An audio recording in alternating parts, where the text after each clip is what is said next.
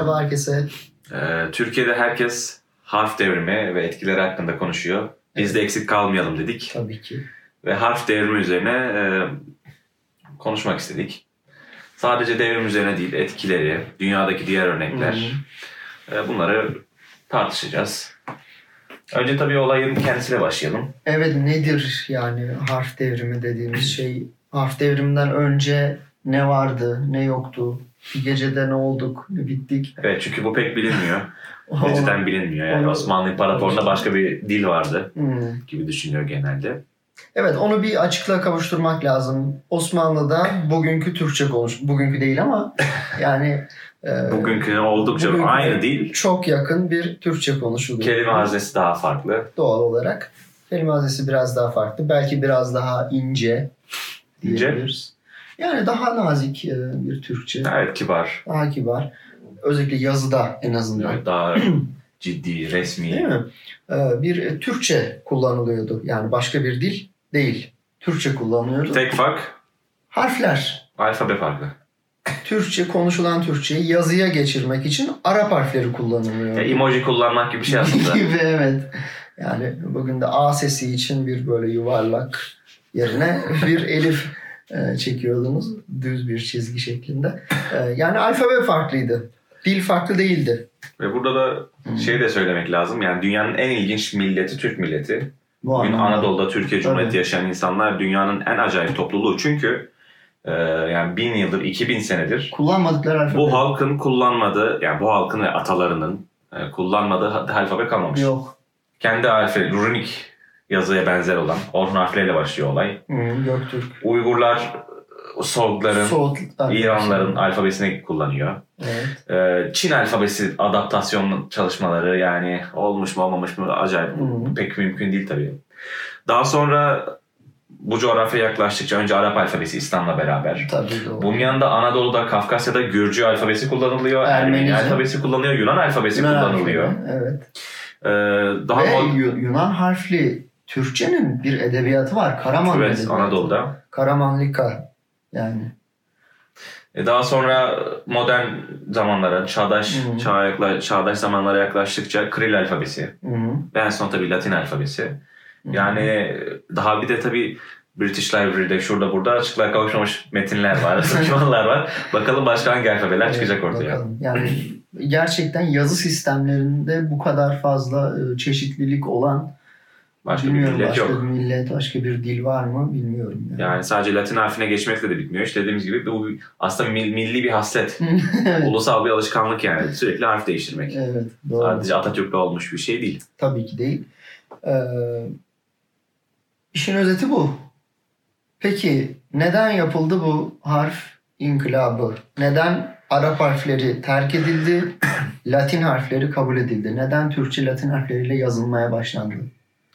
Bunun bir e, direkt Mustafa Kemal Atatürk'ün efendiler yarın harfleri değiştireceğiz sözüyle yapılmış bir uygulama değil. Bu Değil. Osmanlı İmparatorluğu'nda e, 19. yüzyılın ilk yarısından itibaren tartışılan bir mesele. Evet. Önce Arnavutlar bunu masaya yatırıyorlar. Hı hı. Arnavutlar bir alfabe değişikliğini öneriyorlar kendi dilleri için E, ve Osmanlı Türkçesi için de tabii Şunu söyleyeyim. 1840'larda. Osmanlı'nın ilk bilimsel topluluğu diyebileceğimiz Cemiyet İlmiye-i Osmani'de bu konuşuluyor. Ve e, konuşanlardan biri bu konuda Ahunzade. Ha, Azerbaycan. Evet, Azerbaycan. Ahunzade bir konferans veriyor bu konuda. Yani Latin da- mi öneriyor da yoksa? o e, onu hiç hatırlamıyorum ya. Hatırlamıyorum gerçekten ama e, aratanlar bulacaktır. E, Osmanlı imlasının ıslahı hakkında Ahunzade falan diye yazarsanız çıkar. E, yani dediğim tarihler 1960 e, 1800. e, pardon 1800 e, 50'nin sonları 60'lar yani. Yine o tarihlerde 1850'ler 60'lar Sırplar Hmm. Osmanlı'da eski eski tebaası veya veya ayrılmakta üzere ayrılmak üzere olan tebaası Sırplar eee, bunu tartışıyorlar. Hırvatlar, e, Balkan Slavları daha doğrusu. Hı. Ve zaten bugün bunların büyük bir kısmı e, Hı. Kiril alfabesinden ziyade Latin alfabesini Latin kullanıyor. alfabesi. 1900 senesinde Japonlarda bu mesele mata, e, mesele masaya yatırılıyor. 1900 yılında klasik kendi ekritürlerini bırakıp daha basit hale getiriyorlar. Çünkü aslında bu harf meselesi e, bir medeniyet bırakma, medeniyet terki meselesinden ziyade Ee, toplu eğitimle alakalı bir mesele. Hmm. Ee, 19. yüzyılda ne oluyor dünyada? İlk e, küreselleşme çağı 19. yüzyılda Evet. yaşanıyor. Küreselleşme tabii kolonyalizm, sömürgecilikle beraber yayılıyor. E, geride kalan uluslar tırnak içerisinde işte. Japonlar, Ruslar, Osmanlılar, İranlılar e, yani Batı'nın e, teknik anlamda, fen anlamında gerisinde kaldığını düşünen uluslar e, batılı sistemleri taklit etme, taklit etmeye başlıyorlar. Modernleşme süreci yaşıyor. Evet, Batı hukukunu alıyorlar. Ee, Batı e, kurum Batı kurumlarını taklit ediyorlar. Orduda ıslahatlara başlıyorlar ve tabii eğitim sistemini alıyorlar. Tabii doğru. Toplu, örgün eğitim e, uygulaması. O zaten 19. yüzyılın icadıdır yani Evet. toplu eğitim. bir ulus yaratma, bir ülke eğitimi. medeniyet yaratma Evet. fikri. 19. yüzyılın eğitimidir. Öncesinde elitlere mahsus bir e, özel bir şey yani. Ee, siz farklı coğrafyalardan, farklı etnisitelerden pek çok insanı bir araya topluyorsunuz. E, bu insanlar hangi dilde yazacak, hangi alfabede yazacak? Asıl Evet, sorun bu. Evet. Şimdi Rusya gibi bir kocaman imparatorluk, Osmanlı gibi çok uluslu bir imparatorluk veya Japonya gibi tarihi bir medeniyet. E tabii hepsi ister istemez ıslahata gitmek zorunda kalıyorlar. İlk defa bu harf ve dil meselesini düşünüyorlar. Hı. Meclisi Mebusan'da dil mesele oluyor biliyorsun. İlkinde. İlkinde. Yani e, Araplar biraz karşı çıkmışlar. Biz anlamıyoruz Türkçe şeyleri diye. Da Ahmet Vefik Paşa aklı olan iki yıl içinde Türkçe öğrenir diye cevap veriyor. veriyor. Evet yani bunun öncesi var. öncesi var, tartışmalar var. 19 20. yüzyıla geliyoruz. Bir de Enver Paşa. Ha, 20. yüzyıla gelince. Enveriye Enveri, diye bir harf sistemi Enveri harfleri. Ha. yapılıyor. Nasıl oluyor Enveri harf? Adam alfabe icat etmiş. Ve icat ettiği harflerle matbaada kitap bastırıyor. Daha kötüsü e, orduda zorunlu tutuyor bir dönem. Bununla yazacaksınız diyor. ve yani düşünün hani savaş var ve ordu bu yani iletişim ne kadar önemli. Yani bırakıyorlar işi gücü bir de o harfleri öğrenip ona, onunla yazmaya çalışıyorlar. Bu Arap harflerin e, ayrı ayrı yazılması. Ayrı ayrı yazılmışı evet. O, öyle bir e, girişimi var yani Enver Paşa'nın. Ve neticede Tutmuyor. tutmuyor tabii tutmuyor. Cumhuriyete geliyoruz. Neticede Cumhuriyet kuruluyor. İşte 1 Kasım 1928 ve e, bu kanun kabul ediliyor. Ee, ve işte derhal okuma yazma kursları ülke çapında açılıyor. İşte klasik bildiğimiz devrim hikayeleri. Hı. Ee, paşa'ya geliyorlar. İşte paşam bunu ne diyor 10 yılda anca hallederiz. Paşa da mühlet veriyor. 3 ay içinde hallederiz ya halledemeyiz ve cidden e, kısa sürede e, eski harfler hatta güzel bir Cemal Nadir'in galiba karikatürü vardı. Eski harfler süpürülüyor yeni harfler Hmm. tarafından ve devrimin Cumhuriyet'in ihtiyaç duyduğu güç bu harflerle geldiği e, propagandası yapılıyor. Bir de şey vardır. Yeni harflerin eski harfleri böyle tekmelediği Evet, bir evet. vardır. İşte.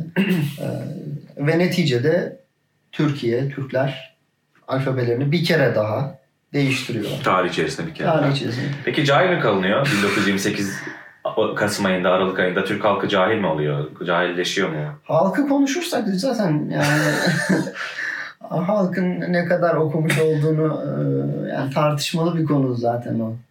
Ama tabii ki yani cahil falan kalmıyor insanlar e, bir gecede böyle bir şey yok. E, fakat ben yani bu benim şahsi kanaatim. Sen başka türlü bir yorum getirebilirsin. Ama yani burada mesela harf devrimini savunan insanlarda, savunan kesimlerde ben şöyle bir yaklaşım görüyorum.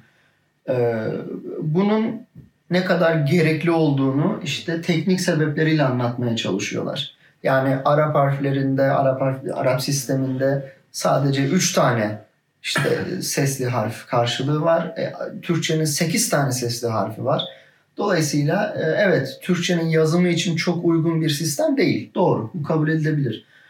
Ama bütün bunların temelinde ben böyle teknik şeyler olduğunu düşünmüyorum. Çünkü yani evet 3 şekilde 8 harfi göstermeye çalışıyor. 8 sesi karşılamaya çalışıyorsunuz. E, icat edersiniz. 2-3 nokta koyarsınız. Yenisini yaparsınız. Önemli değil. Bugüne Yani- Azerbaycanca'da, Uygurca'da Uygurca'da olduğu gibi. olduğu gibi. Kim nitekim Şemsettin Sami şurada e, Kamus Türkiye'yi görüyorsunuz. E, bu sözlüğünde uyguluyor bunları. O için, Ö için, U için, Ü için vav'ın üstüne şekiller koyarak bu dört ayrı şeyi gösteriyor. Sesi gösteriyor. Ben bunun daha kültürel ve bir e, medeniyet değişiminin bir e, parçası oldu, bir tamamlayıcısı olduğuna olduğunu düşünüyorum. Yani çünkü Arap harfleriyle yazmaya devam ettiğiniz sürece Arapçanın gramerini, Arap e, Farsça, Arapça Farsça kelimeleri kullanmaya devam edeceksiniz. Bu kaçınılmaz bir şey. Kaçınılmaz bir şey. E, dolayısıyla medeniyet değiştiren bir ülke var önümüzde. E, ve o yıllarda dolayısıyla bu ülkenin Latin harflerini kabul etmesi teknik sebeplerden ziyade kültürel sebepleri var bence bunun. Yani ben böyle düşünüyorum. Ee, ya aksine iddia etmek zaten çok da bence yani mümkün değil. Ee, bugün Türk dünyasında da e, diğer İslam toplulukları, Arap olmayan İslam topluluklarında da e, aslında çok e, farklı fikirler var zaten. Hı. E, Arap harflerinin direkt e, ne temsil ettiğine dair. Hı.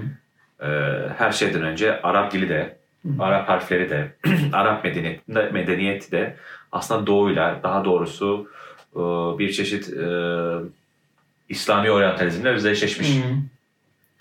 E, bu sebeple e, 1920'ler Türkiye'sinden bahsediyoruz. Halifeliğin kaldırıldığı, e, Türkiye'nin batılı medeniyetler toplumuna dahil olmak niyetini açıkça dile getirdiği, e, hatta e, kendi tarihsel e, kaynaklarını Osmanlı'dan da geriye İşte mesele o yani. Evet.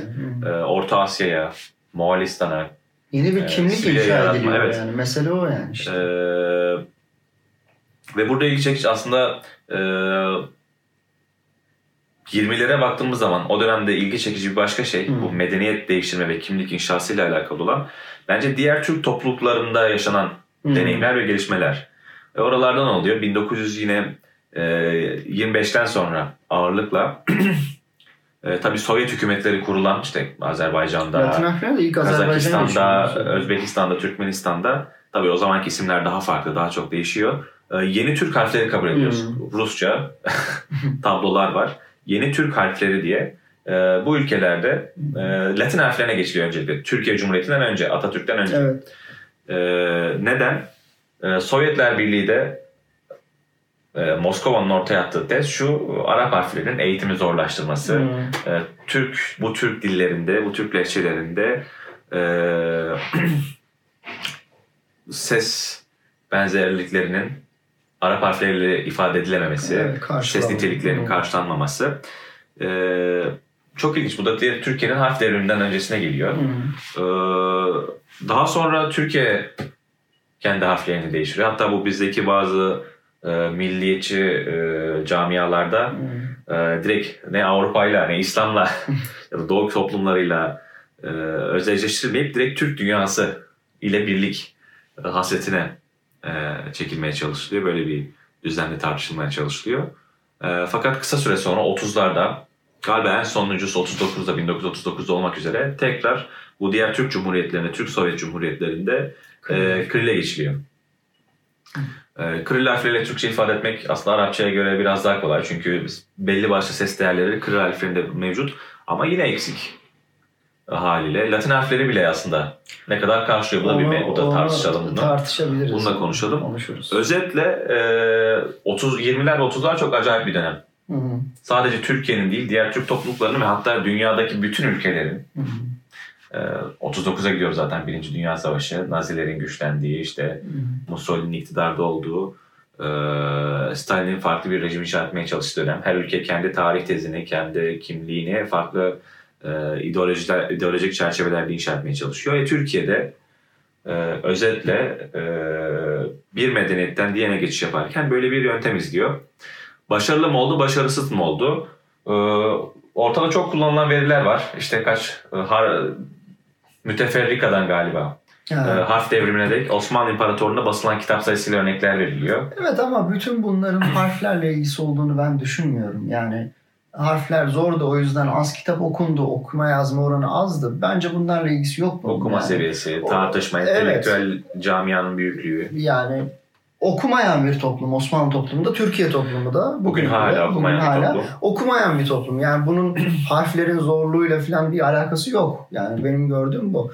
Ee, şey arttı diyorlar okur yazar oranı. Doğru ama Doğru. okuyor mu bu? Hayır okuyor mu ve okur yazar oranının artın, artırılması için kurulan halk evleri, okuma yazma kursları yani bunları düşünmeden hani sadece Latin harflerine geçildi ve arttı.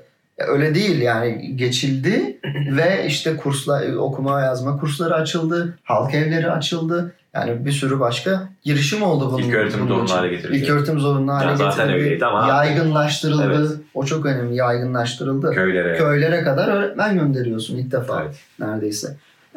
Ve kız erkek yani Evet, herkes birlikte. okuyor. Böyle sebepleri var yani sadece harflerin kolaylaşması, alfabenin değişmesiyle ilgili değil. Büyük bir eğitim projesi Tabii. aslında Tabii, tamamıyla tabii bakılınca. Ama şunu ben söyleyeyim yani bir medeniyet değişimi doğru. Bu medeniyet değişimi de başka türlü olmazdı. Arap harfleriyle Batı medeniyetine giremezsiniz yani. Bu bu böyle. Ha tartışılacaksa o medeniyete gir, girmeli miydi Türkiye? Girmemeliydi. O benim konum değil. Bu, bu videonun da konusu da değil ama bu çerçevede ben zorunluydu diyorum. Yani başka türlü yapamazsınız. Evet. Ha iyi oldu kötü oldu o başka tartışma. Çeklere bakacaksın, lehlere, Hmm. boşnaklara, yani Slav dünyasına da bakacaksın. Hmm. Bir, bu- bir Batı dünyası dediğimiz dünya işte Yunanistan ve İsrail belki yani. Evet. Yani. Ee, demin neyi tar- tartışalım demiştik? şeyi e, sesleri yani Latin harflerinin Ha, evet karşılıyor mu karşılamıyor karşılıyor mu? Türkçenin, günümüz Türkçesinin eksik. Yani tabii ki sesli harfler oranında e, sesli harfler anlamında çok iyi karşılıyor. 8 tane e, sesli harfi Türkçenin ayrı ayrı gösteriliyor. Bu iyi bir şey.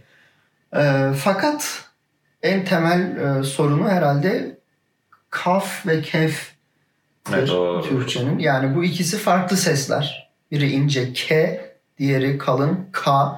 Ee, işte YSK mı diyeceğiz, YSK mi diyeceğiz. Kurum olduğu için K demek en mantıklısı ama K diye bir sesi yok. Ee, şey harf yok yani. e, Q olsa Q kullanılmış olsa olurdu. Kazım. Karabekir gal- galiba onu öneriyor. E, bugün Azerbaycan Evet, orada var. kullanılıyor. bir arkadaş yazmış işte olduk yazmış K ile e, şey kafla yazıyor yani o bir eksik. Nazal ne?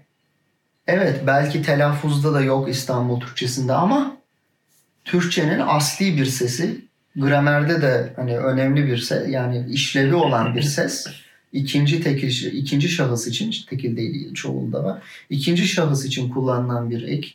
Nazal ne önemli onu da gösteremiyorsun. Osmanlı harflerinde bunlar mümkündü tabii ki.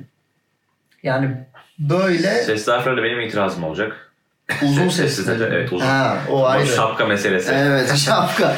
Yani şimdi e, bu Arapça ile Farsçanın öncelikli etkisi tabii ki. tabii. A'lar, Evet. pekala. Hem Pekala. inceltiyor öncekini hem uzun, uzun söyleniyor. Evet. Lazımlar.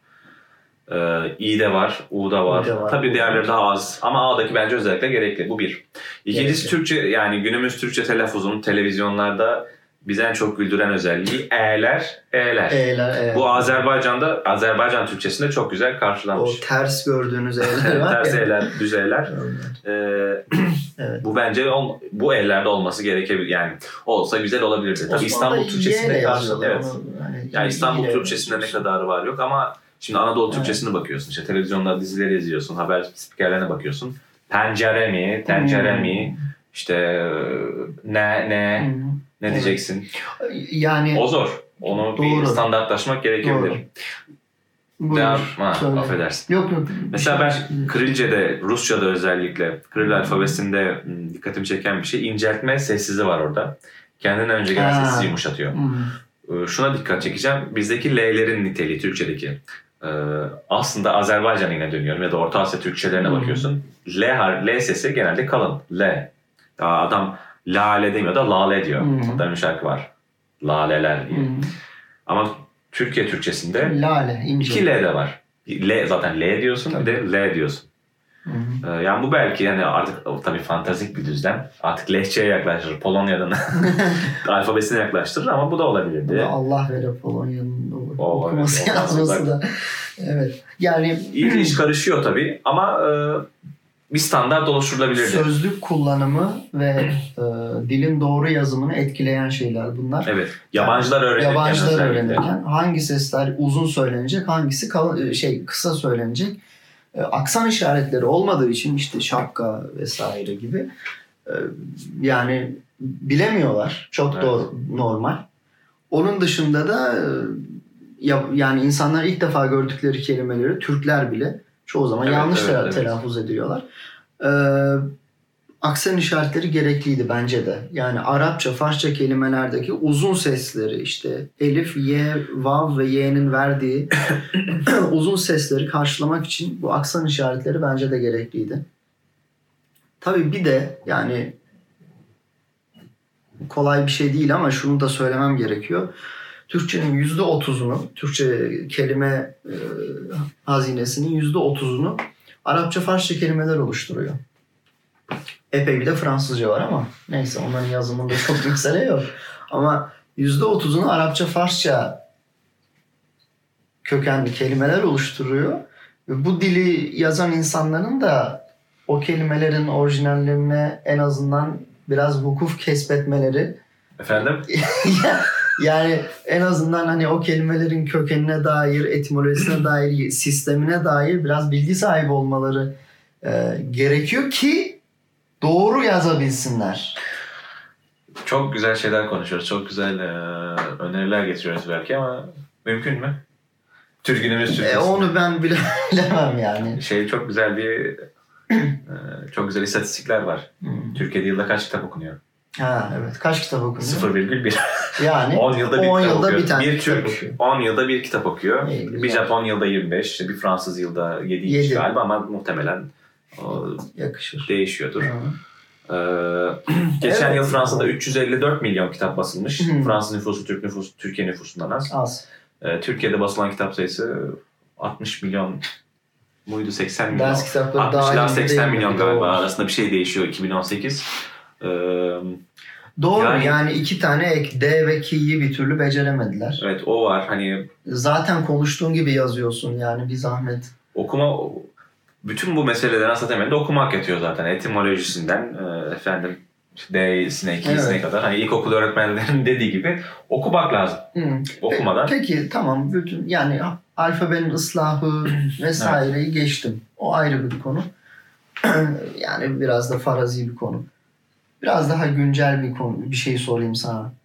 Osmanlıca eğitimini hakkında ne düşünüyorsun Okullarda. okullarda?